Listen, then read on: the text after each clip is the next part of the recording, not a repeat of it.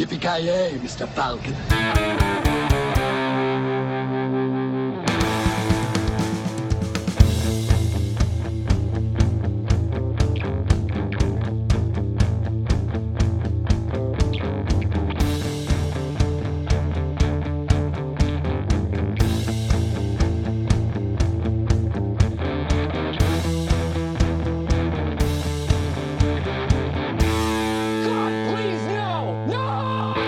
Tjena kära lyssnare, välkomna till Filmsmakarna. Mitt namn är Joakim Granström. I vanlig ordning så har jag med mig från Piteå. Kent, hur står det till? Ja men det är bra. Är- Suttit det- några elektriska stolar på senaste tiden? Ja men det har jag. Eh, En gång i veckan försöker de grilla mig den jäveln jag är på... I Piteå prison så att säga. Världens mest Finns det- säkra prison. Finns det många elektriska stolar där tänkte jag också på. Ja, det är så man får sina jollies vet du. Ja. Jag tror inte det finns några vanliga stolar, jag tror alla är elektriska faktiskt. Ja, Just det. Jag sitter i en elektrisk just nu. Ja det är så alltså. Ja, Ja, Det ska förklara en hel del. det är därför jag alltid är så på. Oh. Ordvits. Ja. Äh, vad, vad säger du, vad har du för förhållande till el? Till el! Han är allergisk man behöver mot ju- det. Man behöver ju el oftast. Ja, det är som han där i Better Call Saul är allergisk mot el, eller jag tror att han är allergisk mot el. Ja. Den där brorsan. Chuck, eller vad fan? Chuck, ja precis. Nej men el är väl ganska viktigt. Det vi hade ju varit svårt att göra den här podden utan el. Det hade det definitivt. Ja. Så, all hail the el. Och vem är du förresten? Eh, jag är Rennie Harlin himself. Straight out of Finland. Oh yes. Eh, nej men eh, Mr Avoya som jag brukar kallas. Välkommen, välkommen. myten, Alltså, eh, legenden höll jag på att säga men eh, eh, känd mer kanske. det är tragiskt om du måste kalla dig själv legenden. Ja. det är ingen bra annan, legend. ingen, an, Mannen, ingen annan gör ju det. myten, legenden. Jag! Mm, ingen annan gör ju det så jag måste göra det själv. Det är glädjande att vi, det, det finns ingenting som vi skyggar undan från den här podden. Desperation minst av allt. Eh, det är mycket, mycket sant. Vi har ingen desperation här. Vad vad är det man måste... eh, Om ingen annan gör det så måste man göra det själv. Det är... Nej men så är det ju. Alltså det, det är ju... Ordspråket eh, som eh, finns där. Det, det är det är precis det. Take matters into your own hands. Exakt. Ja, ja men precis alltså. Alltså jag bör- börjar på tal om el.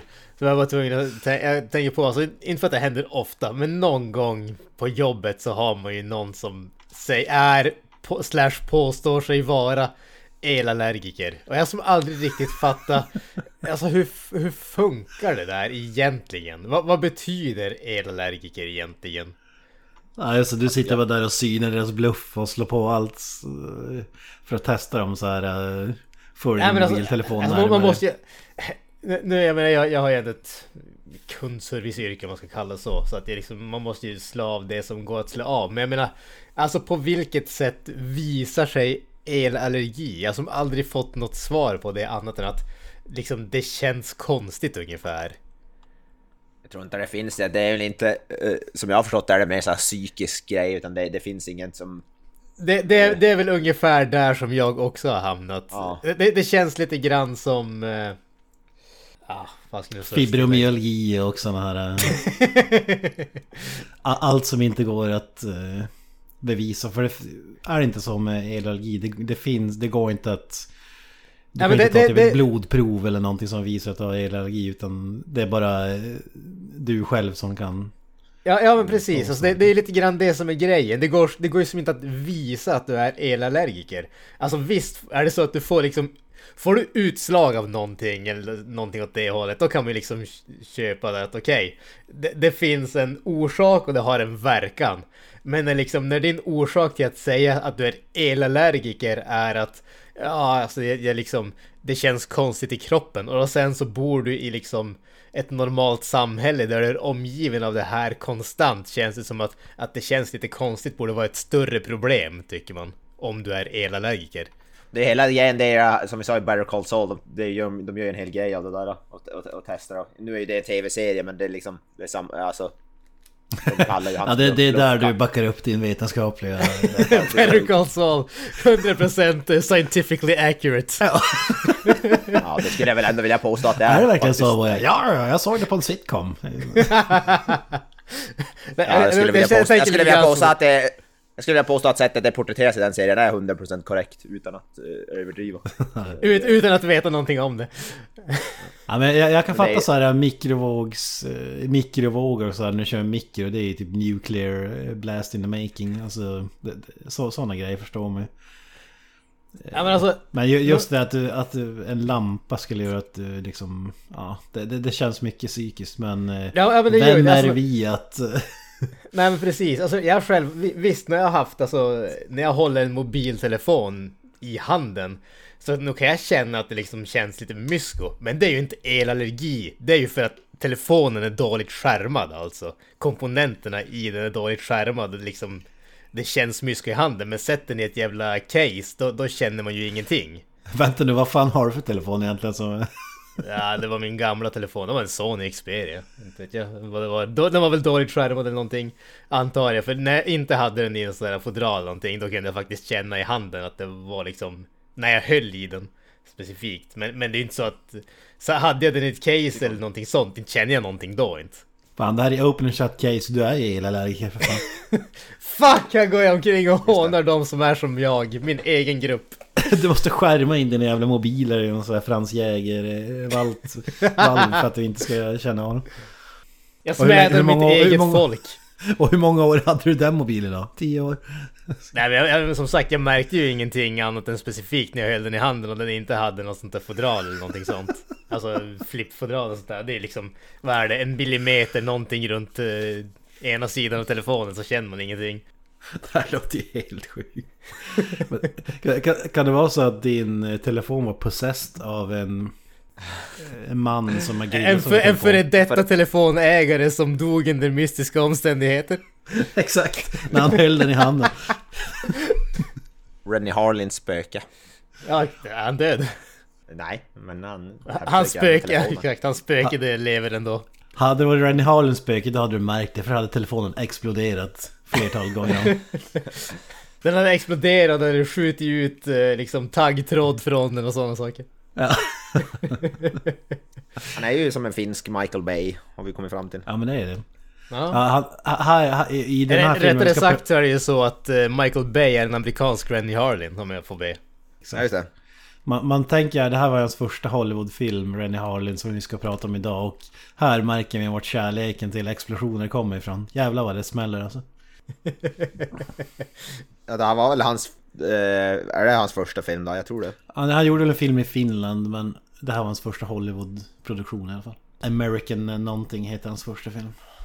Ja, Ironiskt nog. Born American. jävla- Om jag minns rätt så är det Chuck Norris son som var med i den. Eh, Mike Norris. Mike, Mike Norris. Ja, tanken var att det skulle vara Chuck Norris, men han kunde inte så då tog de sonen istället. Som verkar vara en massa, det, en massa finska skådespelare. Vesa Vierikko, Ismo Kallio, Laura Monsterhjelm, Antti Horkko, Virtanen någonting. Three American students vacationing in Finland cross the border into Russia for the fun of it. Okej. Ja, just det. Det känns som att den kanske är oväntat aktuell just nu. Den kanske får en eh, resurgence, kanske till och med en remake här. Ja, just det. Ja, så är det ju. Men, men, men, men. Nog om eh, gamla filmer. Vi måste ju hoppa ett år eller två framåt in i eh, det förflutna om man säger så. Och givetvis ska vi snacka om filmen Prison. Än en gång, vi har haft lite svårt med titlarna här. Alltså vi har kallat den Prisoner, vi har kallat den The Prison. Det, Du är den enda som har Ja, kallat exakt. Prisoner. Vi har inga problem med titeln, det är du som har. Nej. jag, vill, jag, vill, jag vill dela med mig, jag vill inte känna att jag är den som är eh, liksom eh, konstig och inte har koll på grejerna. Så jag liksom försökte dra, ner, här, äh, dra med er också, så att säga. Men det, Men de där, är det någon slags Mandela-effekt där eller något? Jag vet inte. Men, det, men det var, det Micke Holmos hela poäng där med att mindfucka oss bara med filmer som man inte riktigt vet? Alltså heter den Leatherface eller Texas Chainsaw Massacre 3 eller... eh, Alltså, Hitchhiker eller Hitcher. Exakt.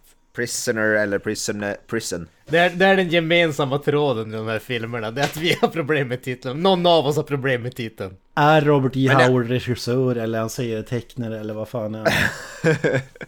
Just det. Han är regissör, obviously. Men bara för att jag förstått det rätt, det är serien Kvinnofängelset vi ska prata om va? Som heter Prison, originaltiteln. Ja det hoppas jag för jag har sett 10 säsonger av det inför det här avsnittet. Bara tio, Ja, alltså jag har sett alla crammat, 15. jag, jag, har sett, jag har sett 700 avsnitt på en vecka ja. Alltså jag har crammat 100 avsnitt per dag av Kvinnofängelset. Och all, alla sändes eh, 02.40 på TV4 eller vad fan det var. I vanlig ordning. Fy fan, jag kommer ihåg det sen när man var vaken typ så här sen på natten, det var kvinnofängelse, det var typ det enda som var på TV. och samma här. Sjukt bra serie alltså. Ja, det är sjukt bra sändningstid. Det, den, om man är vaken på natten, om man var hemma från skolan på dagen så var det vad heter det, hem till gården. Det var det, det man hade. Vad heter det? Bra, bra TV. Kvalitet, alltså 90-tals eh, TV, det var ju the shit. Jag vet inte, Granström, Fan. kommer ihåg? Vi hade ju en, eh, en eh, klasskamrat som vi inte ska nämna vid namn som sågade hem till gården. Vet du vad jag tänker på då? Nej, det vet jag inte. Att det inte ens gick att masturbera till, så dåligt var det. Ja, då är det fan dåligt alltså. ja, det var hans liksom bottennapp. Alltså Hem till gården är ju typ den eh, mest tradiga, eh, vad heter det, sega serie som någonsin har gjorts. Fy fan vad tråkig den. Den har hållit på i va, typ 50 år också. Fan vad heter den i original? Nu måste vi kolla upp det där. Emmerdale. Emmerdale. Ja, det kunde du sådär var det. Ja, exakt. Ja det kunde jag. För jag har kollat upp det tidigare för att jag var intresserad av att se. Jesus Christ! 9364 avsnitt. Ja, fy fan. Ja, det är väl en sån där serie där skådespelarna byts ut. Som i våra bästa år och så vidare. Ja, Jo, jag, ja, förutsätter det. Alltså, det är ju... Ja. Eller är det någon som har 9000 avsnitt på IMDB? Ja men alltså vad heter det? Days of Our Lives har väl typ 11 000 eller någonting sånt. Tänk Ja, om, men med det en skådis som har Jaha. så här uh, 9000 Alltså Days of Our Lives har episodes. 14 000 avsnitt. alltså, jag, jag, men alltså, jag, jag fattar inte. Nu, nu kommer jag ännu längre ifrån filmen, men vad fasiken, alltså. Hur ser man en sån här serie? Det, det går ju som inte att bara börja mitt i. Alltså visst, ska, jag börja på episod liksom 13 972? Och sen har man noll koll på backstory. Det, det är som ett, det är ett jobb att följa en sån här serie. Men jag tror att serie, de har väl... Det finns väl som ingen röd tråd, är inte det bara typ att varje, i princip varje avsnitt är hyfsat fristående, skulle jag gissa på. Ah, nej, men, nej men det tror jag inte. Inte. D- Däremot är det väl typ samma storylines som vevas om och om igen. Det är väl snarare det som är grejen. Ja. Jag tror inte det, men jag tror inte det är typ Breaking Bad, att det är såhär, äh, lämnas på en cliffhanger bara. Någon ligger i koma och så vidare. Det är som... Susan Rogers is the longest serving member of the pro- program's current cast and the longest serving current cast member of an ongoing American soap opera, having appeared on the show since August 1973. Alltså herrejävlar. Det- Hon har nästan varit på alltså, en och samma serie i 50 jävla år. Jävligt intressant. Alltså det, jag, alltså, jag är bara sjukt fascinerad över att något sånt här. Alltså, men det finns ju ingenting som motsvarar det här i Sverige. Det existerar ju inte. Nej. Och det existerar ingen koppling till filmen vi ska prata om idag, men vi kör. Det här var mer intressant tycker jag. Ooh. Alltså som sagt, vi ska prata om eh, Prisoner. Visst heter det så? Prisoner! Prison! Jesus Christ. Prison! Prisoners! Prisoner eller pris... Ja. Eh, 3102 episoder. Fan. Så det är ändå 11 000 episoder som hon inte har varit med i alltså. Hon har varit med i 50 år. Det är... Det är ungefär så många explosioner Rennie Harlin har i sin, eh, vad heter det, sin gemene film så att säga. Ja, precis. Screenplay i alla fall. Expl- explosioner av saker som definitivt inte kan explodera. Ja, det, är lite av hans signum. In, det såg vi inte minst eh, prov på i Elm Street 4, Freddy's Nightmare. Det är lite roligt att Rennie Harlin som är känd som actionregissör började sin karriär med att göra typ, eh, ja i och för sig den där med Born in America eller vad ni sa kanske. Born American. Efter, Born American, men sen gjorde han typ två skräckfilmer. Det är ändå... Han har gjort det här fler skräckfilmer efter det också. Vet jag. Han är väldigt såhär produktiv. Vad man ska säga. Men det, det fanns ju en förklaring till det. Han, han fick ju, han bodde han var i princip hemlös.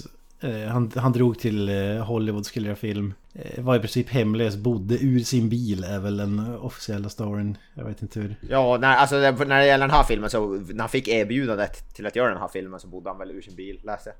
Ja, Ja, precis. precis. E- enligt uh, IMDBs, uh, IMDBs trivia så Ja, var det så i det, alla fall. det, ja men det jag skulle komma till, han visade den här eh, Born in America filmen för typ tusen pers och den enda som såg någonting i honom var Irvin Jablans, producenten till Halloween som eh, eh, som Rennie Harlins själv säger, hans claim to fame var att han upptäckte John Carpenter. Ja just det. Så, så det, var ju, det var ju därför han hamnade in på den här och sa han typ ja, jag har en supernatural fängelsefilm om du är sugen. Så han sa bara ja för fan vi kör. Så det var, det var liksom inte så att han brann eller att det var hans projekt eller jag menar så här att Ja, nej, det, nej. det, det var som bara för att det var den snubben som nappade på, på hans eller såg no, någonting i honom. Som han hamnade in eh, och att han producenten här var då skräck, producerade massa skräckfilmer, producerade de flesta halloween-filmerna tror jag. Ja, lever man ur sin bil så att, kan att få erbjudande att regissera en uh, Hollywoodfilm då... Ja, alltså han, han, eh, han hade en möjlighet, han tog den och lyckades göra en karriär av det. Jag menar, Ja, ja. säga vad man vill om eh, kvaliteten och sådär, det må ju vara upp till var och en, men han lyckades ändå. Ja, ja, för fan. Vilket inte är illa. Eh, ja men som sagt, alltså vi redan, redan nämnt eh, Rennie Harlin som eh, regissör som givetvis har gjort en drös eh, andra filmer, däribland den legendariskt fantastiska Deep Blue Sea. Jag, lä, jag läste ju på för, för övrigt, jag bara- vill bara nämna här i början för jag har ingen koppling till filmen alls. Men det hade ingen aning om att han, han var liksom den som skulle regissera Alien 3. Att han jävligt länge höll på med det projektet men nobbade alla manus och så vidare. Så till slut fick bolaget nog och ersatte honom med David Fincher. Då. Så det, det är ändå mäktigt. Det, det känns ju som att de karriärerna har gått lite olika. Ja men samtidigt han gjorde Die Hard 2 eh, två år innan. Men jag, jag fattar vad du menar. han, han gick vidare och gjorde Cutthroat Island, den största floppen i någonsin. Sam, samtidigt gjorde han Cliffhanger, var inte 93. Ja precis. Alien ja, 3 var väl innan det ja. Ja, ja det var det. Han har gjort mycket. Long, long Kiss Long Goodnight. Kiss Goodnight är ju fan riktigt bra den. Mm. Ja, ja, ja det är det ju. Och Deep Han har Blue Sea är ett gjort, jävla eh, mästerverk också. Ja precis. Han måste ju ha gjort din favoritfilm någonsin, Driven med Sylvester Stallone. Ja, fy fan vad hypad det var inför den när den kom. Alltså det var Formel 1 och Sylvester Stallone. I, en och samma blandning. Han har ju, han har ju fan samarbetat med Bruce Campbell också. Burn Notice, han regisserar fyra avsnitt. Ja, just det. Exorc Ja, det. Exorcisten eh, The Beginning också. Det är, eller The Exorcist. Ja, fan det. Så han har gjort Hercules-filmen som inte har The Rock i sig. Det kom ju två Hercules-filmer typ ganska typ samma år eller något sånt. En som hade The Rock och en som inte hade The Rock. Ja, just. Så han regisserade den utan The Rock. Han har också gjort den Den sämre. usla filmen 12 Rounds med eh, John Cena i huvudrollen. Just den. Det är- Det måste vara 2009, det måste ha varit en tidig John Cena känns det som. Ja, ja. Äh, ja, då var han väl wrestling John Cena med hela världen fortfarande. Ja precis. Jag skulle gissa att det är en sån där WWE-film. De brukar producera egna. Ja, men de har ett film, det finns ett, eh, ett filmbolag som bara producerar typ sådär, alltså filmer med Wrestling, med du, liksom. wrestling. Produced by WWE Studios. Ja, precis. Ja, de, för de har, gjort, de har producerat någon film, det finns en skräckfilm som heter typ See No Evil eller något sånt där. eh, Två Stämmer skräck- bra, stämmer bra. Mm, 2006. Den är faktiskt bra, i alla fall första See No Evil, det underhållande slashfilm. Vem har i den då? Är det han... Vad fan heter Glenn Jacobs heter han, jag vet inte vad hans wrestling, han har säkert något mer, något mer känt Ja wrestling. men The Undertaker eller skulle gissa eller finns det någon annan? Eh, Kane heter han, hans wrestling Jaha, Kane. ja, ja. K-A-N-E.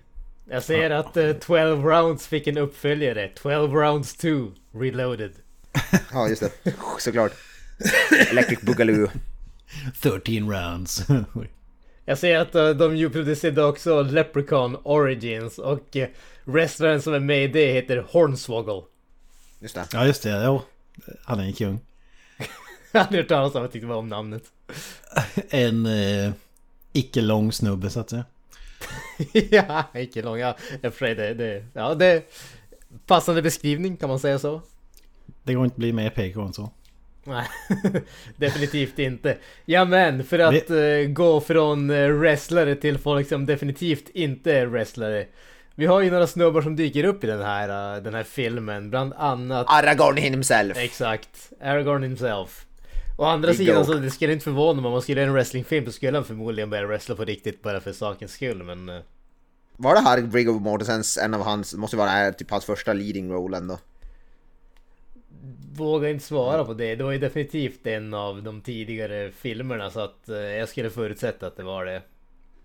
Ja, det är definitivt det är en av hans fem första roller typ, om man kollar på IMDB. Ja precis. Alltså, där, där kan jag bara säga snabbt att eh, castingen av honom var ju inte för att han var dansk och Rennie Harlin var finne utan det var ju bara en slump att han dök upp som eh, audition till den här filmen. Han, han vill ha någon snygg eh, person i huvudrollen typ. Det förvånar mig inte. Lite roligt också att eh, som från Micke Holmas filmpaket, han var ju sen bara några, film, några, några år se, eh, senare, tre år senare så var han ju med i, även i Leatherface, Texas Chainsaw Massacre 3. Mm, mm. Eh, någon koppling där kanske? Och sen hade vi ju Tom Everett då i den här filmen. Och även också med i Leatherface, för övrigt. exakt, men han var, var inte han med i en tredje film också i det här paketet? Eller minns jag galet? Det kan jag inte svara på. Eh, ja, vi kanske låter det vara osagt. Man borde ju... Han är med i Die Hard 2. I alla fall. Oh, det var säkert där han lärde känna Rennie Harlin. Nej förresten, det var tvärtom. Den här kom efter. Ja, exakt. Kom innan det. Att gå från Die Hard 2 till Prison hade kanske varit lite tveksamt. Han är med i Final, eh, Fredag den 13 The Final Chapter. Så han har ju bra, bra smak. Oh. Det är bra. Ja, verkligen. Men Lane Smith måste vi även nämna. Eh, antagonisten i Mighty Ducks-filmen. Han är ju tränare för The Hawks. Eh, I den filmen. Där Gordon Precis. Bombays eh, ärkefiende så att säga. Ja men precis. Alltså det, det här, alltså vi säger vi det ofta men han är en sån här snubbe som har dykt upp i en miljard tv-serier också. Det känns som att han, jag vet inte, någon, av någon anledning känner jag så att han har spelat en pil, eh, polis i typ alla serier som existerar. Jag vet han var med i den här Lois and Clark eh, tv-serien minns jag honom från. Ingen aning vad han... Var, var han inte, vad heter han, Perry White? Kan det stämma? Han som är chef för Daily, vad heter de? Daily Ja. Planet. Ja, precis. Ja, det stämmer. Nu när du säger det. Det känns jävligt eh, korrekt. Ja, men precis. Ännu en sån... Eh, som man känner igen. Som man har sett i tusen grejer, men inte vet vad han heter. Förutom Ja, Coach precis. Riley. Jag vet inte om ni, om ni kände igen en skådis från The Dark Knight är med i den här filmen. Ja, den där snubben med skelögat. Eh, Ja, Tom Lister exakt. Jr. Ja exakt, han spelar en, få, han, han spelar en fånge i, i Dark Knight också om jag minns rätt. Han är snubben som eh, kastar den där, eh, vad heter det, bombutlösaren. Kastar den i vattnet. Ja exakt. Just det. Jag tyckte, jag tyckte det var roligt att... Han, han, har väldigt, han, han har ju som de ögonen som sagt, han är ju skelögd, han är ju, vad heter det? Annars är det femte elementet jag förknippar honom mest med faktiskt. Jaha, Presi- just det. President Lindbergh. Är för övrigt är död, det, han dog för... Ja, han dog för ett tag sedan va? 20, eh, 2020. Okej, ja då var det inte så länge sedan. Jag hade för mig Alltså, att han alltså, dog. han dog 2020 och har typ eh, sju filmer i post-production. Alltså, Ja, ja. hur fan går det till? Ja, han filmade, ju, han var jävligt produktiv. Och då har det getts ut Exakt. filmer under... Det gavs ut tre under 2021. Där han var med i och två i 2022. alltså vad fan. han måste ha gjort många cameos eller någonting, jag vet inte. Eller är det en Alltså det är inte för, inte för att eh, säga någonting om hans uh, skådespelarkapacitet men han kanske inte känns som en eh, leading man direkt. Ja, han kanske inte har den utstrålningen. Jag, jag, menar bara att det kanske inte är så att hela projektet faller ihop för att han inte kan vara med i alla scener som han var tänkt att vara med i om vi säger så. Det, det känns som att man kanske kan arbeta runt det. Men vad vet jag?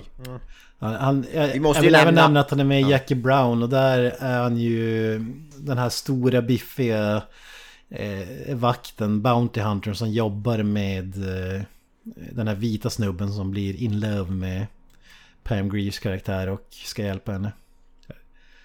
Jag vet inte hur man ska förklara det bättre men Han är ju The Muscles där i den där Bounty Hunter-filmen i alla fall.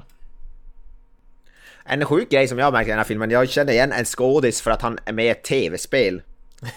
uh, hans likeness är med, alltså han, han är med som sig själv, han ser ut som sig själv också. Uh, det är Hal Landon Jr.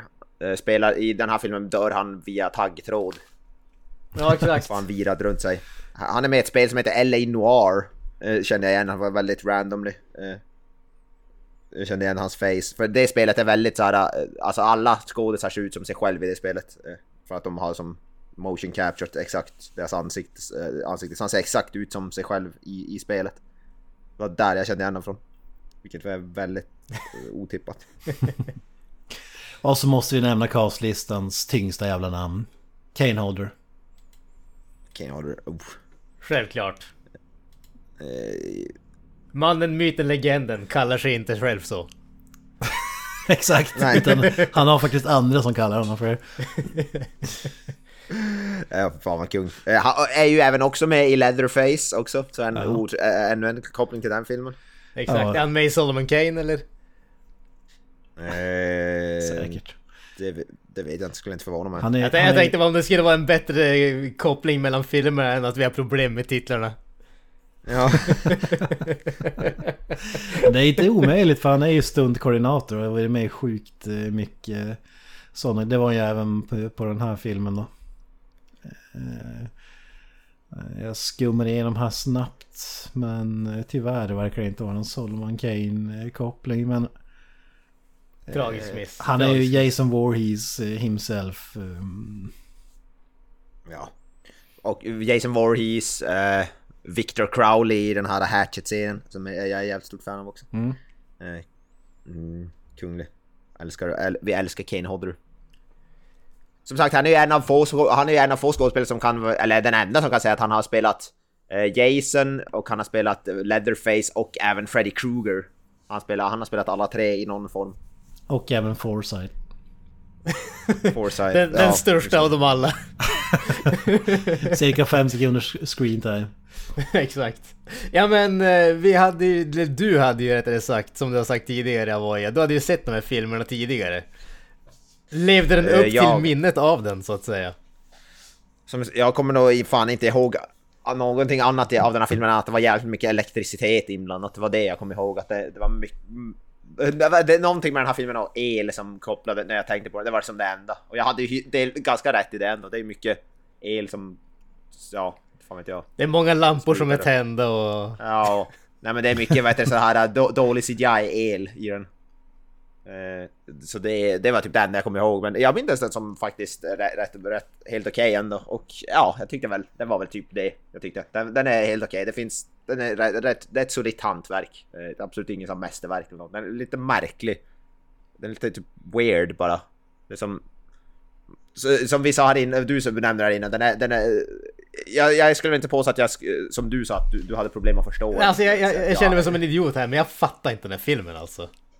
Jag vet inte om jag skulle gå så långt, men den är, den är typ skum på något sätt. Den är, den är väldigt weird. Ja men alltså, det, det som grejen med jag hade inte sett den här tidigare. Men det är att den har ju som inget, den har inget mysterium egentligen i sig. Det, alltså, det finns ju ett mysterie sett till vad är det för något, alltså vad är snubben som hemsöker dem, varför gör han det, vad är liksom hela den biten. Men filmen utforskar ju aldrig det mysteriet. Man får all, det finns aldrig något sammanhang i det.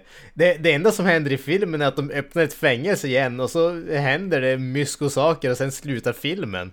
Men, men det finns ingen alltså, upplösning av det här därför att trådarna startas och sen så fullföljs de aldrig på något sätt. Alltså, det, jag, jag, jag blev jätteförvirrad. Jag kommer typ inte ihåg någonting av filmen. Inte för att jag inte såg den utan bara för att det fanns inget sammanhang i någonting. Så det är bara en massa löskopplade scener som hände efter varandra för mig. Mm.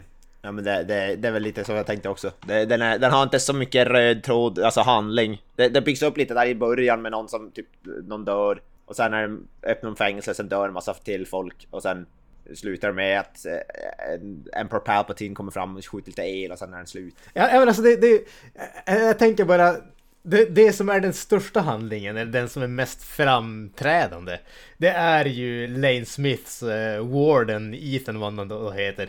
Att han liksom, han dödade någon i det gamla fängelset och så sen så hemsöks han av det i det här fängelset. Okej, okay, det, det är liksom en bit.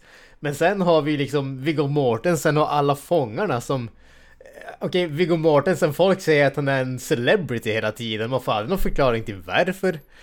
Ja, alltså det är bara en massa sådana saker som jag känner att det, det, jag fattar inte. Det, det, hade den här filmen haft eh, Lane Smith som huvudperson, då, då hade man ju åtminstone haft en handling som fortsatte. Men nu är det ju så att man får typ ett klipp i början och sen får man ett klipp mitt i filmen och sen får man typ en liten bit i slutet av filmen och det är typ den genomgående handlingen när filmen och resten är bara bara bladder, det är bara löst prat ungefär. Mm, ja, den där, ah, själva handlingen, men jag tycker man ser inte den här filmen för, för den handlingen. Jag tycker, jag tycker mest, det jag gillar med filmen är som sagt, det är bra, det är, den är underhållande ändå, för jag gillar dödsscenerna, det är de som är som stora behållningen. Och de är faktiskt riktigt välgjorda också. Eh, och det är det, det jag gillar med filmen. Sen själva handlingen och allting med, däremellan, det är bara, det är bara det hade man kunnat klippa bort. Man bara gör ett montage av folk som dör så hade det varit du, du, du, tycker att den här, vad är den, en timme och 45 minuter långa filmen hade varit bättre om den hade varit nedklippt i 30 sekunder? Det är det du säger? Ja, men skulle jag klippa ihop alla dödsscener så är det då säkert, skulle jag säkert säga 10 plus minuter. Men jag, jag skulle säga det, det enda som jag inte fattar i den här, det är om Viggo Mortensen ska spela två roller eller vad fan grejen är där, eller om... Ja, men det är väl grejen var väl att, att han på, var... På baksidan av filmen står det att året är 1956 när den ökände fångvaktaren Sharp, Lane Smith, njuter av att se hur den oskyldigt dömde Forsyth, inom parentes Mortensen, blir grillad i elektriska stolen. Men Viggo Mortensen är ju för fan med i hela filmen. Alltså... Ja men alltså han spelar ju den, eh, de båda, båda rollerna och det är två olika karaktärer. Sen är det väl själva grejen där är att han är jävligt lik den som vad heter det, dog där i början och därför alltså, blir ju han, han blir ju helt störd den här Bo Sharp när han ser han för han tror, eller de tror typ att han, att han har kommit tillbaka för att hemsöka dem eller något Det är bara, jag tror det bara grejen är att han är lik den fången som dog där i början. Ja, ja, men kolla, kolla här, alltså nu, nu jag, lä, jag läser handling, jag läser the plot från, eh, vad heter det, från Wikipedia. Ja. In 1964, inmate Charlie Forsyth of Creedmoor Prison was executed via electric chair for a murder he did not commit. Mm. When Creedmoor Prison is reopened after 30 years, Charlie Forsyth returns from the afterlife to exact revenge on Ethan Sharp, the officer who stood by as Forsyth was executed. Inmate Burke and all the other inmates soon realize that they will all be slaughtered unless Forsyth is allowed to repay his long-standing debt. Jag fick inte ut någonting av det från att ha sett den här filmen kan jag säga. Det enda ja, men... jag fick ut av det ja, var att snubben blev avrättad i början. Det är det enda. Resten har ingenting med någonting som händer i filmen att göra. Han, han, hemsö han hemsöker fängelserna får sig och dödar och tar, alltså, tar, vill ta bara... Men man får ju aldrig veta det i filmen att... Eh, det men, som men händer. Det, det du verkar missat att det är väl samma fängelse som stängs och öppnas nu igen? Alltså... Ja, ja det är ja, okay. ja, ja, Han, ja, han avrättar sig. Det är ju det, det är ju den de vill när de ska hacka sönder den där hacka upp det där rummet i källaren. Det är ju där han electrocutades. Och när, han, när de öppnar det så släpper de ju lös det jävla spöket också. Exakt. De hackar upp ett hål i vad det, det där jävla stenväggen. Så, så det tyckte jag nog var ganska straightforward. Men, alltså. men, men, men, ja, men det känns ju ändå inte rätt. Tycker jag, för då, då säger, visserligen så är det Wikipedia här, alltså man vet ju inte om det stämmer. Men, men du kanske har sett någon om, om, de släpper, om de släpper lös spöket genom att hugga ner den där dörren, så är det ju inte rätt att säga att Charlie Forsyth returns from the afterlife to exact revenge on Ethan Sharp. Då, då, har ju ja, ja, men då har ju spöket bara suttit där och väntat instängt och han kunde inte komma ut. Vilket å andra sidan är ju jävligt bisarrt. Alltså en tegelvägg har alltså stoppat ett spöke. Det är det vi försöker väl... säga. Ja men alltså det, där är ju snart, då är det alltså, helt andra... där är det ju helt andra grejer där, så där, där får man ju bara köpa logiken här, att han är instängd Det här är ju ingen jävla Daniel, Daniel Day-Lewis film om det är det. det. Nej, man får väl bara köpa att spöket var instängt där och så släpps den lös när man hökar ner. Det är väl, man behöver inte tänka mer än så på det. Det behöver inte vara, jätte, det behöver inte vara jättelogiskt. Tegelvägg! Alltså säger han så för dig bara Ett spöke, jag vet exakt hur ett spöke fungerar, de finns på riktigt och de skulle aldrig hållas tillbaka av en tegelvägg. Ja, men alltså, va- varför skulle spöket ta sig tillbaka till en tegelvägg? Speciellt när tegelväggen var ju inte där när han blev avrättad. Det finns ingen orsak att tegelväggen skulle hålla hans spöke. Men Granström, spöke är ju som elallergi. Det, det finns ju. Alltså, Nej. Nej. Precis. Granström såg ett avsnitt av Supernatural och han vet exakt hur... man, man, kan, ju- man kan liksom inte ha... 100% scientifically accurate. Exakt! Jag har sett Ghostbusters, jag vet hur det där funkar. Jag vet hur spöken funkar. Men jag menar, det, det har ju fortfarande ingenting alltså... Jävla pajs. även om du... Även om du inte köper den delen så är den gör ju inte så att hela själva filmen sen blir jättekomplicerad bara för att man inte förstår hur en spöke håller sig tillbaka som en tegelvägg. Ja men, ja men det är inte bara det, det är liksom Det är ju allting som har med den där filmen att göra Alltså det, det, det nej jag, jag förstod det bara inte Ja men Kent, du, du har inte sagt vad du tyckte om den här filmen Jag fattar inte vad grejen är. Det, en, det enda jag tyckte var förvirrande det var ju Viggo Mortensen. Om han spelar två karaktärer eller, eller om han ska vara en re, reinkarnation. Eller om de fejkade hans död och de Ja men han kan ju uppenbarligen inte vara en Ja. reinkarnation om spöket redan härjar på fängelset Men alltså han, han karaktär som han spelade i fängelse heter ju Burke och Forsyth är han som dör. Ja. Jag tror enda kopplingen är det att han är lik han. Viggo Mortensen spelar ju båda, båda karaktärerna Ja. men jag tror det är bara enda kopplingen är att han ser ut som han. Ja, ja. Sen, sen, för, sen de väl mindfucka lite av försöker som är han, är det samma eller något sådant. Det är väl kanske en del av mysteriet. grann. Ja men eh, för en gång skulle kanske jag vara den som är mest positiv till den här filmen. Nej nu då är jag positiv, alltså jag gillar jag tycker den är, jag tycker den är, underhållande. Jag tycker, Alltså jag tycker inte den är lika bra som uh, Rennie Harlins mästerverk, eh, vad heter det? Sea. Remaster. Men... Ja, Sea, nej jag tänkte, vad heter det? Freddy Krueger-film. Ja, Re- Rennie Harlins bästa film ska jag inte säga att det är, men jag, jag tyckte om den. Alltså jag, jag gillar de här... Alltså jag gillar skräckfilm där skräckelementet bara ger filmen en edge. Alltså som här typ, det är en fängelsefilm med edgen att det finns eh, eh, söndergrillat spöke som, som härjar på fängelset och så vidare. Inte så här eh, CGI-nunnor med jump scares och grejer där- poängen är att skrämma dig utan det är bara för att det, det är ett coolt eh, tillägg så att säga. Och det, det tycker jag ändå. Jag tycker ändå den här är i samma anda som typ eh, Elm Street eller Fredagen den 13. eh, Med undantaget att, att det inte är någon slasher utan en... eh, Ja, vad ska man säga? En ande som härjar. Man får, Den har, den har ju typ dödsscener som påminner om vad heter det, Elm Street skulle jag säga. Den är väldigt mycket Elm Street. Så det är så mycket slangar som far runt folk och Alltså, skulle kunna vara ur en samtidigt, samtidigt är det inte det som filmen lever på. Alltså en slasherfilm lev, lever och dör med eh, dödsscener och sådär. Men det är inte så jäkla många dödsscener, även om det finns några stycken. Nej. Eh, Så... Men- Men de är, de är bra de som finns tycker jag. Jag tyckte de praktiska effekterna tyckte jag var fan nästan alltså riktigt jävla bra tycker jag. Mm. Eh, men, men vilket, alltså det- det- goren och allt sånt där. det, det som sänker den här filmen kan jag tycka, bortsett från att jag inte fattar den då. Eh, känns, ju, känns som att det, den gör ju ingen ansats till att vara varken skrämmande eller spännande tycker jag. Alltså det finns ju ingenting som kan liknas vid atmosfär. Men det är det, det är det jag gillar med den. Alltså jag, jag, tycker jag, jag jag, jag, har snackat om det tidigare. Jag älskar skräckfilmer men jag ser dem inte för att bli... För att jag tror att jag ska bli rädd när jag ser dem. Alltså, alltså den tiden har ju passerat så att säga. Alltså, Men, men, Ja, men, men är, ja. är det inte atmosfären som gör skräckfilmen? Är, är det inte det som du ser den för? För att liksom omslukas av atmosfären som filmen avger? Jag tycker den här filmen har ju ingen atmosfär, det är ju det som gör den så, så tråkig tycker jag. Men det Alltså, tycker jag den, ändå den, att den den är inte har- dåligt gjord, den är inte dåligt gjord på något sätt. Det är bara det att den är jävligt tråkig att se, för det byggs inte upp till någonting. Det finns, inget, det finns inte ens en ansats till att göra någonting som är spännande eller intressant eller någonting sånt. jag tycker ändå själva fängelset och sådär. Alltså de delarna eh, ser lite creepy ut. Eh, Men Alltså de tycker gärna atmosfär. Jag tycker alltså det känns, det känns som att man har tagit typ en fängelsefilm och korsblandat den med, med, med typ Elm Street. Alltså det känns som att Shawshank Redemption och Elm Street hade barn typ. det, det, det, det jag kan hålla med om att det är kanske mer en typ actionfilm än en skräckfilm. Men, men det tycker jag inte gör Ja, någonting. det är, det är ju inte, det är ju knappt skräck. Man blir ju inte rädd för fem öre. Nej men det är det jag menar och det är den typen av film jag gillar. Det är bara skräck. eh, Alltså det finns med ett monster ungefär. Det är edgen. Men det är ju Rennie Harley, alltså till, som vi sa, jag tror vi sa det i eh, hans avsnitt om alltså Elm Street, den, det var ju typ också nästan mer action än skräck, hans vad heter det, Elm Street-film. Det var ju typ explosioner och skit i den filmen också. Ja. Den var inte, den var ju inte speciellt läskig. Det var ju bara Rennie Harlins style. Om det så blev en explosion så är den säkert jävligt skrämmande för dig också. Ja, just det. Det var en ny typ av skräck. Publiken var Ja. inte beredd på den.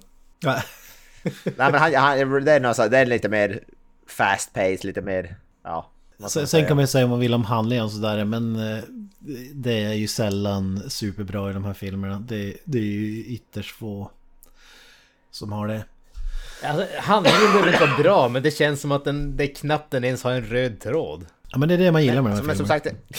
sagt, som- som sagt, jag tror det är bara du så då tycker jag den har, alltså den har, den som sagt det är många så scener som är men den har ju ändå, som vi sa om, vi, om man tar det här med han som dör, alltså de, de förklarar den inte så tydligt men den har ju, om man granskar den i sömmarna har den ju någon typ av handling.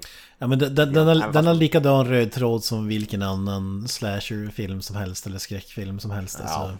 Det är, det är ett monster som kommer och uh, lever, lever, lever loppan, måste jag säga. Ja. Och dödar en massa folk. Och that's it. Och, sen, ja.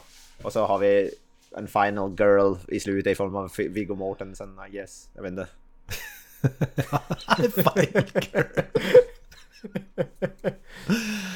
Jag tycker bara synd att vi får, inte får mer, äh, vad heter Kane Hodder som the main villain. Han är ju bara med i 10 sekunder. Å Ja. andra sidan känns det som att det är ju inte direkt nödvändigt om det är ett spöke som terroriserar stället. Ja, nej, det är ju det som är sant. Det, det, det tyckte jag väl var egentligen, var förstod, jag förstod inte varför man hade med den ga- gamla jävla, som zombie-liknande figuren som skjuter el. Det, det Som ju, jag sa, jag, han, han ser ju exakt ut som Emperor Palpatine och han skjuter el från fingertopparna. Det är ju, alltså det är ju exakt så. Ja, det, känns, ja, men- det kändes som... det, det, det Det är där är ju också, det där är också en sån där grej som va- varför existerar den där saken överhuvudtaget fastsatt i den där stolen? Ja, det, det- det, förstod jag inte jag riktigt heller från vart den, den kom ifrån. Jag, jag För förutsätter inte- att de var- avrättade inte snubben och bara gick därifrån och lämnade kroppen. Nej, det är det jag förstod inte heller om det var att han var begraven någonstans. eh, Så bara, ja, den delen måste jag erkänna att jag inte fattar heller vart, vart hans lik kom ifrån. Vi bestämde oss för att aldrig avrätta någon igen, så vi begravde han med den elektriska stolen. Ja. Det var en sån där grej som jag inte riktigt heller fattade men det var så bara, ah, Men det var väl så här, där, vi har en fängelsedirektör som blir håntad i sina drömmar av det där och då sitter han väl alltid i stolen. Jag- Jag antar att det är det. Ja. Ja. Och sen, Det- sen ser det väl coolt ut och eh, avslutningsvis så dog han ju i stolen så det är väl ändå ganska logiskt att de Ja. kör den. Ja, l- logiskt vet jag inte, men jag kan väl köpa det antar jag. Det, det, Ja, det måste vi det, faktiskt... det var så här, fi- filmen var snart över så man tänkte ja fatta fuck nu, nu släpper, nu är det, vi, vi köper allt som den här filmen har att ge. Det är ingen idé att försöka granska den med. Den är strax, den är strax Den är strax över. Alltså det, det man måste säga, som, det som jag tyckte definitivt måste sägas det kommer den här filmen. Visst, Viggo Mortensen och de är ju en bra skådis, men den som verkligen levererar här känner jag, det är ju Lane Smith alltså. Han, han sparar ju inte på krutet, han verkligen går in för det i den här filmen och det är han som jag tycker, han är ju tveklöst den roligaste att se på i den här filmen också. Coach Riley alltså.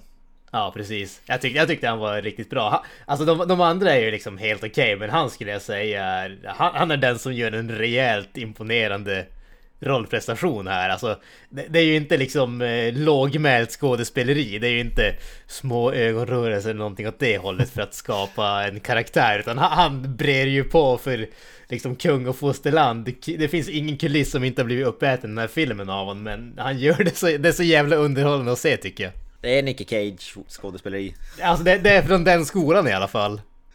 Han har gått i Nicky Cages skola, Just. så att säga. Fick MVG-betyg. Han är, han är lite av den här filmens Donald Pleasence kan man säga. Så, lite så, han är typ den enda riktiga skådespelaren och så är det massa som är i början av sina karriärer eller som eh, inte är skådespelare egentligen. Det, det, det är ändå en edge till film. Ja, för jag håller med om att han han är ju bäst. Jag tycker Viggo Mortensen är inte så jävla bra om man ska vara ärlig. Och det, det märks att det är typ hans första film. Alltså han säger ju inte så mycket i den här filmen, han säger ju, han är jävligt fåordig. Ja, ja nej, det är ju inte så att han stjäl showen på något sätt. Så man ska ju inte säga det, man vill säga Viggo Mortensens bästa eh, prestationer. Men det är kul att han är med i alla Det var fall. väl där som vi sa för att se snygg, för att se snygg ut. Ja men var typ. det. Men det, det, det jag tyckte var kul med, det? när vi ändå är inne på det, att det är en edge också att det är riktiga fångar och fångvakter med i filmen som eh, statister. Alltså Ja. att i, i bakgrunden så där så det är en fånge som har någon replik också. Oklart vem det exakt Nej, han hade, han hade fan en stor roll. Han hade en Ja, stor det- roll. ja, det, det är Ryder, är- den där långhåriga snubben som har sin lilla boytoy. Ja, han som är lite ho- homoerotisk. Precis. Det, det är den, snubben som Han, satt han inne var ju för fan... mord. Ja, Steven Ja, E. Little. eller manslaughter. Manslaughter var det ju. Alltså, eh, dråp, Dråp. typ. Ja. Ja. Ja, så, ja, men jag gillar det där att det var ju så här, det var ju ett övergivet fängelse och så sen drog de dit en massa fångar för att typ städa upp inför filmen och så var några av dem med i filmen också. Och, och då älskar jag det där storyn om att i, i alltså The Guard Towers så, så är det vakter med riktiga pistoler och riktig ammunition ifall det skulle gå åt helvete. Alltså att fångarna skulle ta över filminspelningen istället. Så det, det, det är en extra krydda och det har man ju Ja, svårt att se definitivt. skulle hända idag. Det- Där, där känner jag ju ändå att jag måste ge The Edge till eh, Candyman eftersom det var ju riktiga gängmedlemmar och de hade inga jävla vakter. Nej, exakt. ja, det är mäktigt. Här hade de faktiskt beväpnade vakter i alla fall. Men, men jag gillar även i filmen som Micke Holma skickade en Studio S-versionen. Det fanns en 47 minuter lång intervju med Rennie Harlin om den här filmen. som, som var jävligt intressant. eh, Som jag plöjde igenom. Och, och då sa jag ibland, i slutet av filmen sa jag ju bara typ Har du några sista ord du vill säga? Och då, då säger jag typ att Yeah, I hope uh, everybody who, who was in the movie got out of prison and lived long meaningful lives. Typ så här, uh, ja, det är murder rapists så, som man hoppas kommer ut i fängelset och, och lever lyckliga alla sina dagar. Det, är underbart. Ja men har de suttit i fängelse har de sonat sina, straff. Sonat sina dåd. Ja, jag. där, där är de eh, redo att återvända till samhället som hedliga Clean slate. Exakt! Tabula rasa. Ja, ha- ja han, eh, han tror ju verkligen på att fängelsesystemet eh, gör eh, Redo till... att starta nya företag som kan berika samhället. Exakt. Ska vi ta filmen på tre minuter innan vi går vidare? Alltså, jag vet inte om jag kan det i ärlighetens namn. Jag, jag fattar så lite av den. Ja, än en gång, det ger ju en jävla edge. ja, vi gör väl ett försök. Jag säger tre, två, ett, go. Filmen öppnar med en avrättning i elektriska stolen av en fånge som vi inte får se. Vi ser hela grejen ur första persons perspektiv. Sen så hoppar vi framåt cirka 30 år. Fängelset har eh, blivit eh, nedlagt eller ja, nedstängt helt enkelt och det bestäms för att det ska öppnas igen. Och eh, Lane Smith, Ethan Sharp heter karaktären, eh, blir den som ska vara fångvaktare eller eh, governor för, eh, vad heter det, fängelset helt enkelt. Han eh, tar dit en hel drös med fångar givetvis som ska bo där och de får uppdraget att eh, restaurera eller rusta upp eh, fängelset också. Där har vi givetvis eh, Viggo Mortensen som eh, är där för att vara snygg och oklart vad han gjorde. Hans eh, italienska sidekick och eh, hans Morgan Freeman imitatör. Som givetvis kommer för att bedyra lite visdom mot honom. De får uppdrag, eller han och en annan fånge får uppdrag att riva en liten vägg eller en igenteglad dörr och eh, när de gör det så lyckas de släppa ut ett eh, ja, spöke helt enkelt av den tidigare nämnda avrättade fången. Och eh, sen så börjar den spöket härja i eh, fängelset helt, helt enkelt skapar diverse oförklarliga fenomen, bland annat två stycken eh, fångar som eh, försökte rymma när de eh, kapade en eh, buss, blir kastade i isoleringscell och cellen värms upp och blir extremt varm och en av dem i stort sett smälter slash eh, brinner ihjäl. Och eh, den andra överlever därför att Viggo Mortensen lyckas rädda honom. Samtidigt som det här händer, eller kanske före eller möjligtvis efteråt, lite oklart, eh, så kommer en eh, kvinnlig eh, typ medhjälpare dit för att glädjen glädjande nog inte vara ett kärleksintresse, bara det förtjänar filmen cred för. Hon är där för att se över att saker och ting går, går rätt till helt enkelt och skapa någon sorts psychology-grej där, någonting sånt. Och eh, mysko-saker börjar hända henne. Hon ser en, den där fången som dog. Skapar, hon skriver en rapport men Ethan Sharp eh, snor den rapporten och den går inte vidare men hon kontaktar sina bekanta i fängelsestyrelsen eller någonting åt det hållet. Jag vet inte hur sånt här går till. Eh, och eh, säger att eh, det är någonting fuffen som föregår. Eh, snubben som eh, Viggo Mortensen räddar, han krävlar, han bestämmer sig för att han ska fly. Och eh, sticker, försöker sticka genom att eh, hoppa, kravla igenom så här eh, typ lufttrummor. Eller någonting åt det hållet och eh, blir fast eh, i massa tråd och eh, rör och sådana saker och sen så exploderar taket ner och så faller han ut i en geyser av blod när de andra fångarna sitter och käkar middag. Eller frukost eller något.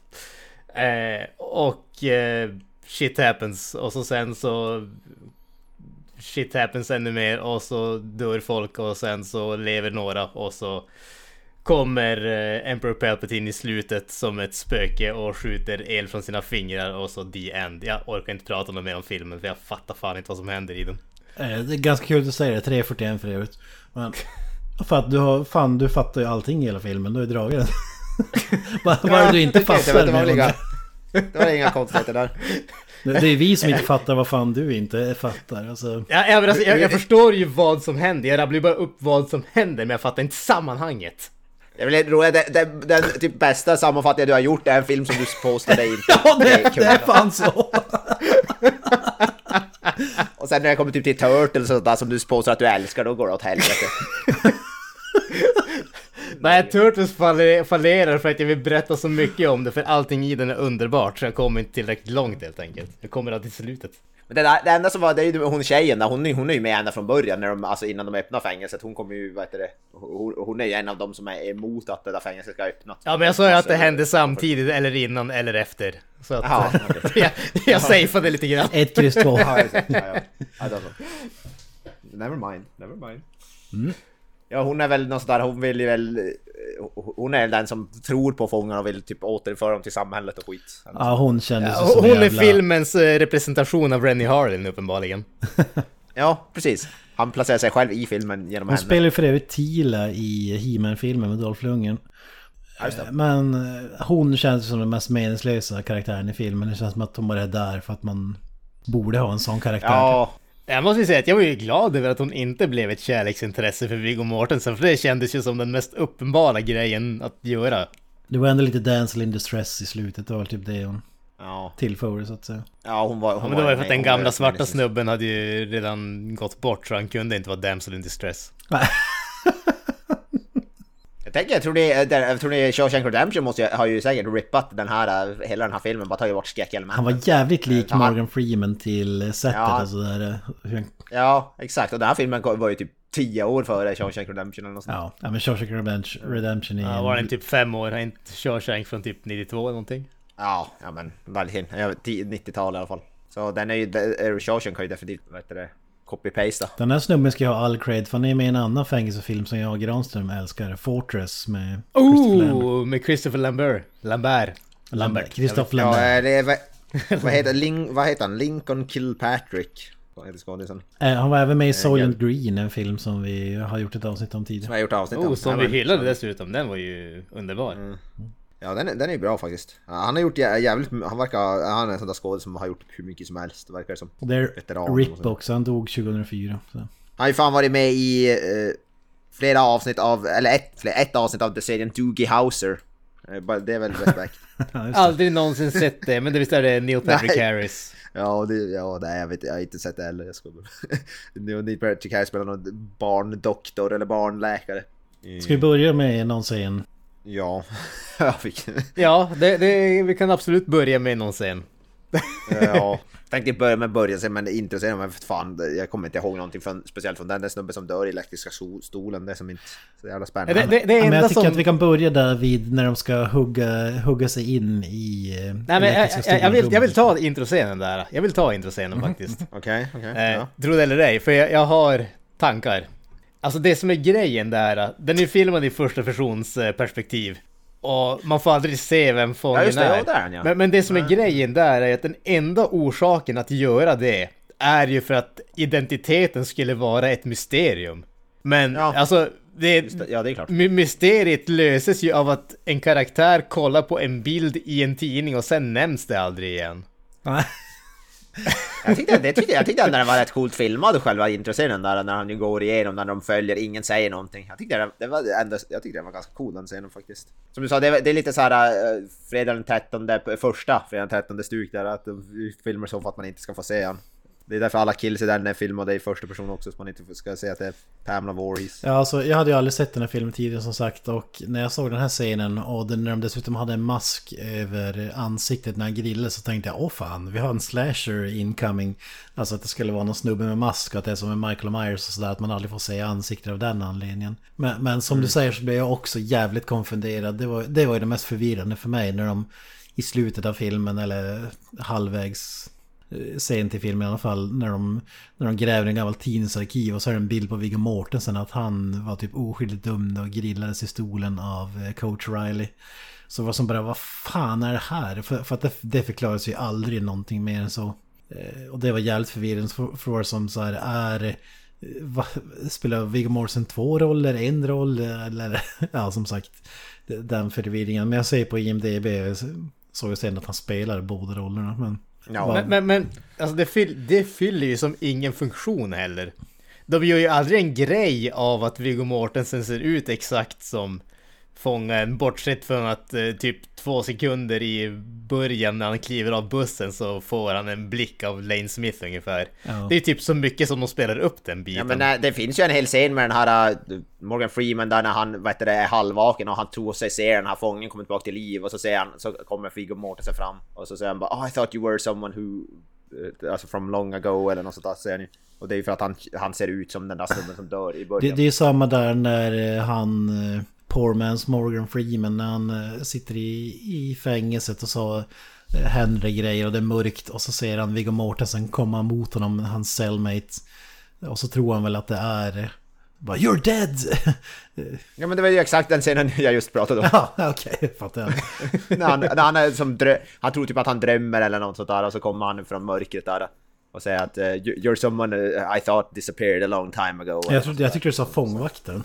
Nej, nej, jag ser Morgan Freeman. Ja, ja. Ja. Det var exakt den scenen jag menade. Och det är för att han ser ut som snubben som dör i början Ah, sorry, jag var och hämtade kaffe nu. Så. Ja, just det. ja men det, det, det är ju helt OK. Eh, Ja, men eh, här Granström till filmens försvar så tycker jag att det är som man brukar säga show don't tell. Eh, Men du, det var ju tydligen för avancerat för dig. Ja, jo, alltså, Burn.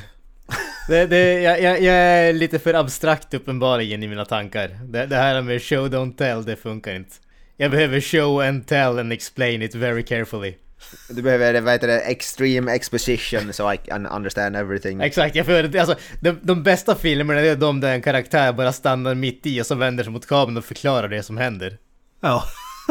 det är därför jag gillar Godzilla och Independence Day och de här uh, Roland Emmerich-filmerna. Ja, ja, mo- monsterfilmerna som, inte, som bara är vad heter right in your face. Four idiots by idiots typ. Alltså, bara, här, här är det dumma jävlar i publiken, så här är det. Ska du trycka på den knappen, men då kommer alla dö. Ja, alla kommer dö, men det är därför jag ska trycka på den, för att jag är ond. Okej, då kör vi.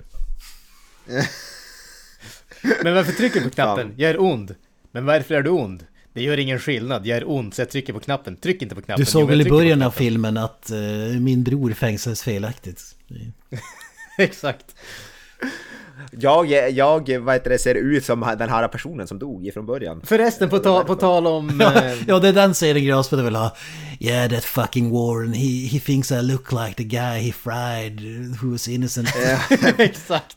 Ja men det är exakt det som behövs. Det är exakt det som behövs. Jag fa- fattar inte riktigt eh, kopplingen mellan Creases, alltså eh, Morgan Freeman lookaliken och eh, Warden, eh, vad heter han, Smith, Ethan Smith eller vad han heter. Aha. Alltså, alltså, alltså vad, vad hade Creases att göra med fången som blev avrättad? Han var ju vittne för fan, det stod ju i tidningen.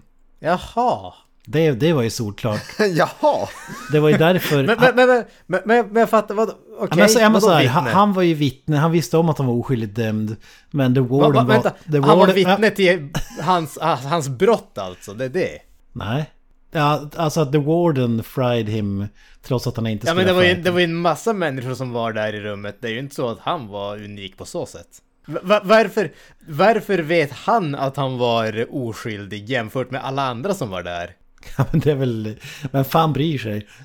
Han, han var vitt... Alltså, han- han- alltså, jag bryr mig att- för att det förklarar ju allting eller ingenting.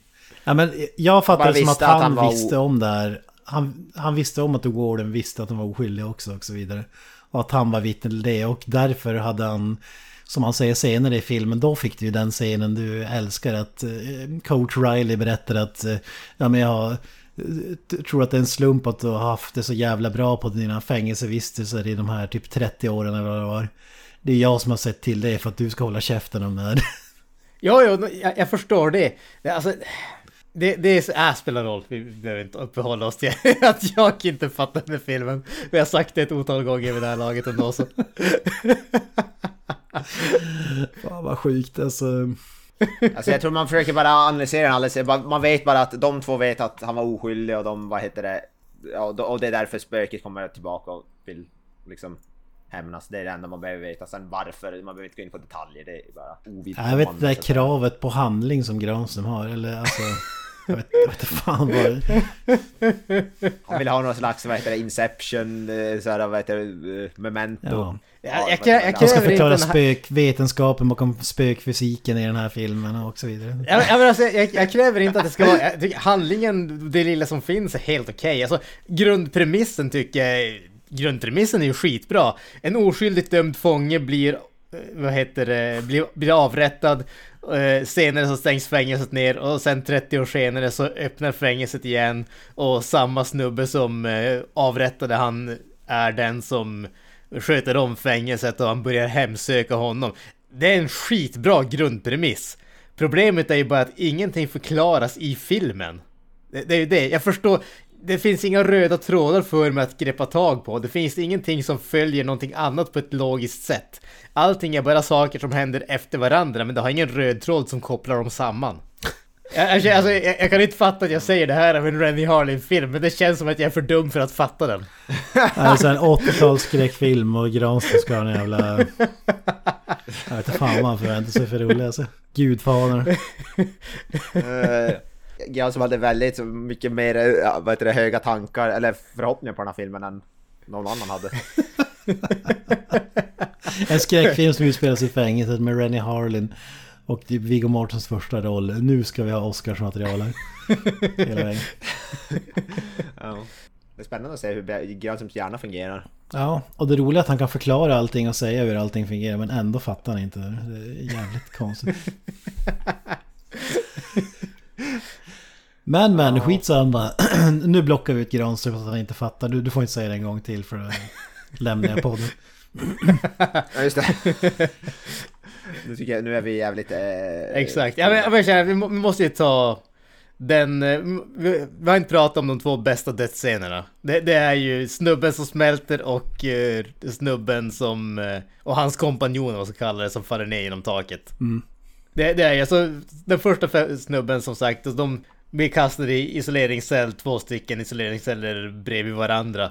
Och eh, någonting händer, alltså det börjar bli det här ljuset som kommer in genom luckan och så börjar cellen värmas upp och vi ser liksom han börjar ta av sig kläderna och vad heter det, sulorna på skorna börjar smälta och sådär. Eh, och så får vi den här scenen, alltså den här delen där han liksom ansiktet smälter och sen när den börjar brinna och hela den biten.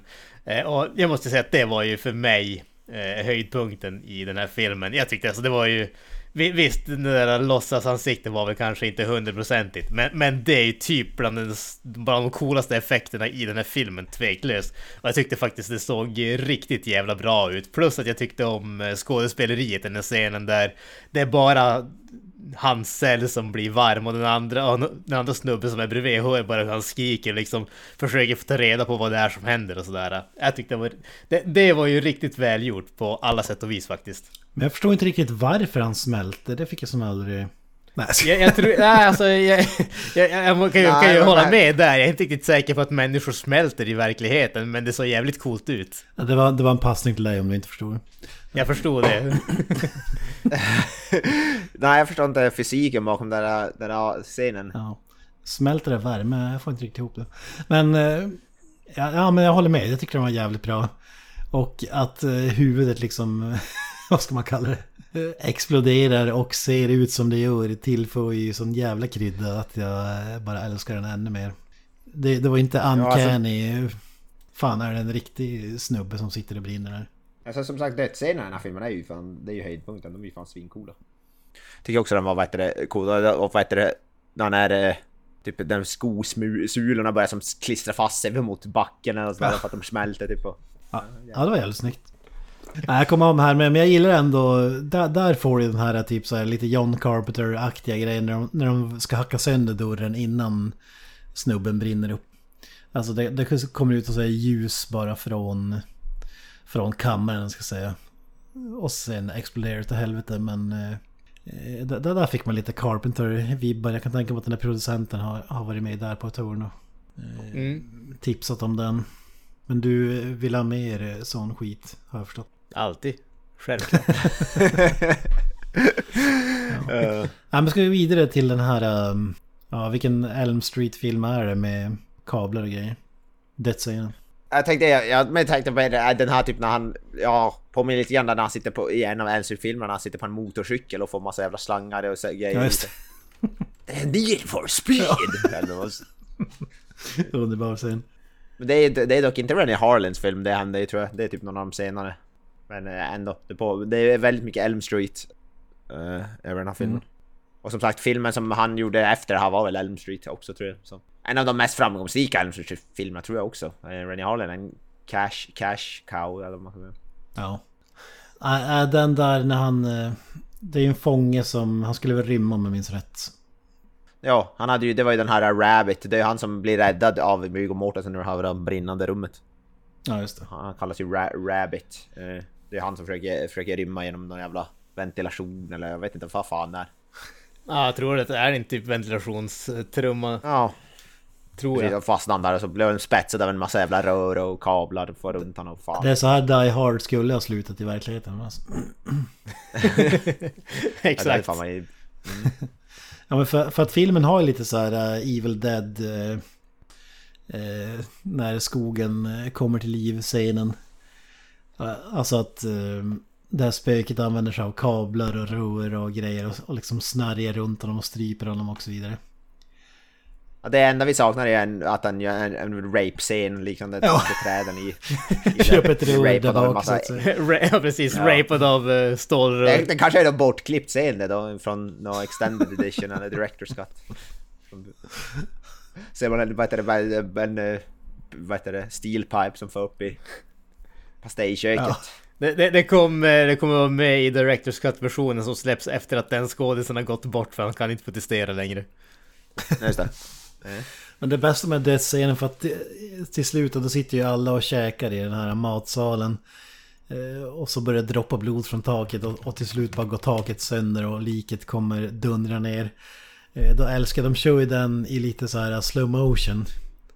Eh, och det, en fin touch jag tyckte var Då har de ju den här dockan Alltså liket rasar ner först och sen typ några sekunder efter kommer det bara så här forsar ner blod från, I efterhand liksom eh, Som kommer efter kroppen Tyckte det var jävligt kul Eh, Men det ser ju jävligt eh, coolt ut måste jag säga Ja, Jag gillade den där dödsscenen, Goren där ser fan bra ut. Gore, vad heter det, den praktiska effekten och så vidare. Det tycker jag, fan, jag tyckte fan det var badass. Man såg ju lite tydligt när han fall ner att det, man ser att det var en docka. Tyckte jag. jag tyckte det, det, det rörde sig lite weird så man såg som att det var en typ eh, ragdoll. Ja. Tyckte jag såg ganska tydligt men det, det kan jag, det kan jag Det gör ju bara serien ännu bättre tycker jag Sa- Samma som med Ja, ja. huvudet där i smältscenen Ja, ja. Jag tycker en annan dödsscen som är värd att nämna det är den här vakten som blir, det är ju super evil dead. Fast istället för skog så är det taggtråd. Jag tyckte om, vad heter det, jag tyckte om grejen alltså när han blir... eh, När, när tråden far runt han och börjar strypa han och hela den biten. Det som jag inte förstår är varför, förstår är varför han helt plötsligt... Än en gång en sak som jag inte förstod. Eh, va- va- varför stolen bara helt plötsligt bara flyger uppåt och far igenom golvet in till eh, The Wardens office liksom. Ja, det, det tyckte jag var coolt också. Det var ju coolt Ja, det var men det, det kom ju från ingenstans och fanns ingen logik i den biten. Ja men det var ju för att skrämma Warden här- såklart. Ja, spöket ville väl bara visa det, vems, who's the boss. Vad som väntar så att säga. Ja. Jag tyckte det var, mest, jag tyckte det var lite så här komiskt. Puff, det. Ja, jag tyckte det var roligt, jag skrattade lite grann. Jag tyckte det var... Jag tyckte det var kul också när taggtråden tog tag i hagelbössan också och sköt honom. Fast han träffades inte utan bara sköt bara upp ett hål i... ja, ja just det. Ja, jag tyckte det var en rolig touch faktiskt. Den påminner lite så här Hellraiser-aktigt sen när han har den här taggtråden virade runt hela jävla ansiktet och så vidare. Eh, Dock ser man ju när han rör sig sen att den här taggtråden är typ sytråd. För att den hänger jävligt löst. den kändes jävligt mjuk när, när eh, den här fångvakten rörde på sig. Men det är charmigt, det är charmigt. Ja, ja. Jag tycker, jag tycker om när, eh, när fångvakten eller fångdirektören som kallar det, när han eh, skriker upp sin eh, second in command ungefär. Och snubben har ju hört allting som har hänt, alltså alla skrik och hela den biten. Eh, och sen så när han kommer, kommer upp så säger han liksom What is happening? Som att han inte har någon, någon som helst aning om vad som händer ungefär. Så ser jag bara stolen som är där mitt i golvet. För ja, för att han, han ser väl till och med taggtråden där... När det snärjs runt Ja, honom innan han åker upp genom taket. Exakt, exakt. Och så bara, du svamlar. Så sitter han framför honom också. Vi kan även ta det här när Viggo Mortensen eh, blir utmanad som eh, det här fängelsets alfahanne. Ja just det, han grabs, grabbar tag i juvelerna. Ja, precis. du den scenen? Ja just det. det Det är allt som krävs för att vara boss på fängelset. ja. Jag tror Viggo Mortensen eh, vill säga någonting där om någonting. Som han, han, kanske, han kanske har några deep desires. Det, jag, jag, det, är någon, med- det är någon film med, jag tror det är Charles Bronson eller någon som jag kommer att tänka på när han typ tar tag i någons junk och typ vrider sönder. Det var det jag kom att tänka på. Det är väl, det är väl ganska Charles Bronson. vanligt i 80-90-talsfilmer i alla fall. Ja, kanske. Jag vet inte, det finns någon i alla fall. Jag tror det är Charles Bronson som har någon sån där jävla brutal dick grabbar scen. som jag kommer att tänka Ja, man blir alltid lika glad Nevermind. när de dyker upp. Ja. Och det är ju den där som sagt, han som man grabbar tag i Ryan, han var ju, det var han som var en, ja, han var en, en fångar, fång, en fånge på riktigt. Och vad, vad, så att, vad, så att, vad var det så, ett dråp hade han åkt dit. Så- Ja, precis. Så han klagar nog inte när eh, Viggo Mortensen grabbade tag där i... Ja. Det var länge sedan en så här snygg man grabbade tag i mina kulor. Exakt.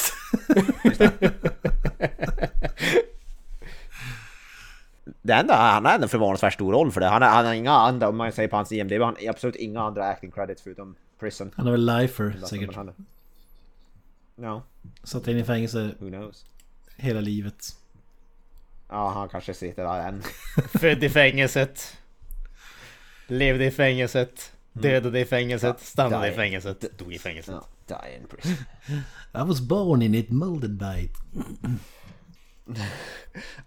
I was born in it, molded by the Harlin. Jag gillar även när spöket börjar skicka så här s- signaler till via en jävligt modern dator till den här eh, social workern. Just det, I, the prison dies tonight eller vad fan. Ja men först är det bara så här 1964 eller vad det var. Typ skrivet 10 000 gånger och så kommer det ut i någon slags fax eller någonting. Eh, Och, så typ, och, och, och det, det är ju det som får henne att åka ut till det här arkivet och gräva fram artiklarna med Viggo Mortensens face på. alltså the prison dies. Tyckte jag ändå var mäktigt. Om man ska säga någon, Alltså, jag någon jag annan säger man lite... riktigt. Ja. Nej. jag, En till grej som du inte fattar. Precis. Men om man nu är, hemsöker fängelset, varför kan han helt plötsligt hemsöka hennes hotellrum? Ja, det var högst oklart.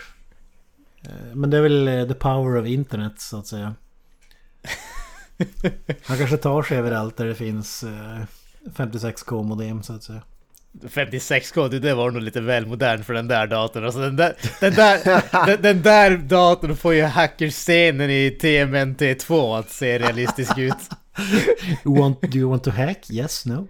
Uh, uh, ja men... Uh, ja, fanns ens internet här? Det, kan, det är väl en bättre fråga. Knappast.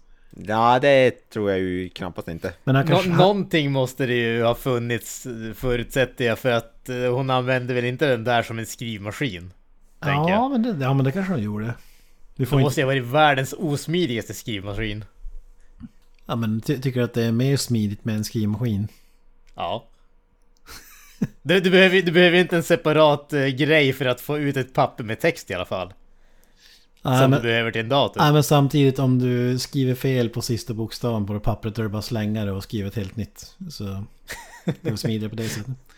Ja, det är sant. Eller jag vet inte om det är så mycket logik där. Logiken är att han färdas genom elnätet eller någonting. Jag vet inte fan.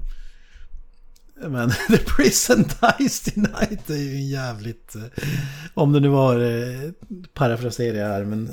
Om det var som du sa det var en jävligt roligt i alla fall. Hade hon haft internet hade hon inte behövt åka ut och gräva i det här tidningsarkivet. Eh, Ja, fast det kanske inte Ja. finns eh, lika lättillgängligt. Alltså, det fanns kanske inte lika mycket information på internet då som nu, men... ja. Men det fan fanns väl internet då? om Den här film, när fan kom den här filmen ut 87? Fan- Fanns det internet då? Skitsamma. Eh, en, en annan scen som jag bara nämner lite snabbt så tycker jag snyggt filmad i alla fall. Det var ju den här när Viggo Mortensen och en annan fånge pratar eh, med speglar. Alltså de, de sticker ut eh, små speglar genom fängelse eh, och riktar dem mot varandra och snackar och så filmar de bara speglarna. Den, den tyckte jag var snygg ändå. Vill bara nämna det. Men sen är det väl bara hoppa till eh, Kane Hodder show. Ja, Kane Hodder, som sagt, vi får Kane Hodder i uh, en, det närmaste vi får i en Star Wars-roll. Ja. ja, fan mäktigt. Han kom in och stjäl hela filmen tycker jag. Alltså som sagt den där... Ett litet fängelse i en galax långt, långt borta. Ja. Kane Hodder som en mycket... Ja, förruttnande... Ja, ett förruttnande lik som skjuter el i princip. Ja. Det är ju, alltså som kommer upp, som sagt, den där scenen är jävligt bisarr, den är ju bara weird. Han kommer upp sittandes på stolen som han dog i, antar man. Eller? Jag vet, jag vet inte. Det här är väl en av de grejer som jag kan säga som jag som att jag inte riktigt förstod, men... Den ser ju cool ut. Jag är så glad över att jag inte är ensam. Men Ja. alltså jag får inte varför det här hakar upp på det. Vad fan, det var väl klockrent. Alltså, det, var, det var den här elektriska stolen dog i. Punkt slut. Ja men alltså, det är så weird för de hittade ju ändå det rummet där han skulle ha dött tidigare och så varför var han inte i det rummet då? Hade de bara... Hade de bara tagit loss stolen från rummet, begravt han med stolen någonstans? Eller vad var det? Exakt. Nej, men de, det, det, Nej, det- de byggde ju bara igen fängelset och lämnade honom där såklart. exakt. De dödade honom och sen vände sig alla bara om och gick därifrån. Ja. och så gick det ut en sån här uh, tuta. Okej, fängelset ska stängas. Släpp allt ni har. Och lämna området. Mura igen Ja, exakt. Liket. Någon måste ju mura igen innan tutan gick. Ja. Nej, tutan gick och alla gick därifrån och sen kom de på Fan vi skulle mura igen det där rummet med den döda snubben. Vi anställer någon som får göra det. Jag var så här. And bring the dead guy out. No, no, there's no time. Stå, börja mura igen den här dörren. Ja, just, just brick him in. That's faster. Everybody has to go now! Why? I have to get home to dinner. But the dead guy, fuck the dead guy! He's dead! He's not gonna move! Just put up some bricks. ja, he's not, he's not going to tell anyone. What is he gonna do? Haunt the prison? Uh, this prison is never gonna open again, so fuck it. Så klipp till några år senare. Hmm, maybe we should open the prison again. Ja, det, det vore kul om de liksom lämnade elen på, om det är det som är grejen med filmen. Ska, ska vi stänga av, alltså de håller på att grilla honom eh, mitt uppe i det där. Så, ja, ska vi stänga av det? Nej, nej, låt, låt det vara på, låt det vara på. Så, det är inte vi som betalar elräkningen, så kör. Ja, det är någon som står och betalar för elräkningen medan han sitter där och fortsätter Ja. grillas då, eller I vadå? 30 år. Ja, eller fan någon... Det. Men han, han hålls vid liv tack vare så här EMP, eller vad säger man, i, impulserna som Ja, just det. Det blir så här clear. Alltså en sån hjärtstart-grej. Just det. Och så får han också superpowers, uppenbarligen. Ja, fy fan. Ja, som du säger, Palpatine-vibbarna är ju inte få. Nej, det är det. Alltså, det, alltså, det måste ju vara det. För den var alldeles för lik slutet där i Return of the Jedi när, eh, när han, vad när han electrocutar Luke i slutet. Det såg ju typ exakt ut Ja. som det. Det måste ju vara en hommage till Star Wars eller något. Ja, men det, det får man ju eh, hoppas. som sagt, det närmsta vi kommer en uh, Rennie Harlin Star Wars är väl det, den här filmen då. Ja, vi kan väl avsluta med, jag, jag tycker ändå att den är värd att se. Eh, Jag älskar ju den här typen av filmer. In, inte den någonstans bästa i genren eller sådär. Men jag, det är sjukt att jag inte har sett den tidigare. Så om eh, ni kära lyssnare har några tips på liknande filmer så tar jag gärna emot dem som inte är super mainstream så att säga. Eh, Prison 2, måste vi, av Rennie Harlins son. Ja. Nej jag skojar. Eh, nej men jag är väl ändå, jag, jag tycker också det var bra. Det var som ett... En helt okej här under, underhållning för stunden. Det hade mer dödsscener åt folket hade jag velat se. Och, med, och eh, lite mer explosioner. Ja, precis. För få explosions. Explosions! Men jag tycker ändå att det där dödsscener och sånt där, eh, det tycker jag ändå att Jordan Starr skiljer sig från så här 80-tals eh, skräckfilmer och slasher. Alltså att den inte bygger på den. Så det ska jag nästan säga är något positivt. Även om man, alltså visst, jag hade ju önskat att Forsyth eh, såg ut som Emperor Palpatine och bara eh, åkte runt och slaktade folk på fängelset. Det hade ju varit en, en mer underhållande film för, för mig. Men, men jag gillar ändå att den inte går i, i den eh, fällan så att säga. Jag gjorde en film som var exakt likadan som alla eh, som kom ut då. Och, men det har de sagt också, det var därför eh, den blev ingen kritikerhit och drog, jag vet inte om det gick så mycket på bio, den förbjöds ju bland annat i Finland just tror jag det var. Ja, för, att den var för typ eh, våldsam eller någonting. Eh, och klipptes väl ner i må många länder och sådär. Men det var väl det som var kritiken då att okej det fanns ingen slasher-villain, det var någon så här eh, Alltså en ande istället som man aldrig, en osynlig Osynligt monster som man inte får se för den sista sekunderna i filmen liksom. Mm. Så det, det tycker jag ändå att den ska ha cred för. Även om man självklart, man föredrar ju alltid slashers. Ju. Alltså jag hade ju velat hellre att se att McCain Hodder gick omkring med en stor machete och högg ihjäl folk på, i fängelset. Men... Ja exakt. Alltså det hade ju låtit betydligt mer underhållande än filmen som vi fick i alla fall. Han gör en permobil av elektriska Ja, stolen och kör runt där. Och, Nej, Vi har ju ingen Jason in prison, vi har, det finns ju ingen sån film så why- not? Nej, Ah, tragiskt, tragiskt nog, tragiskt nog.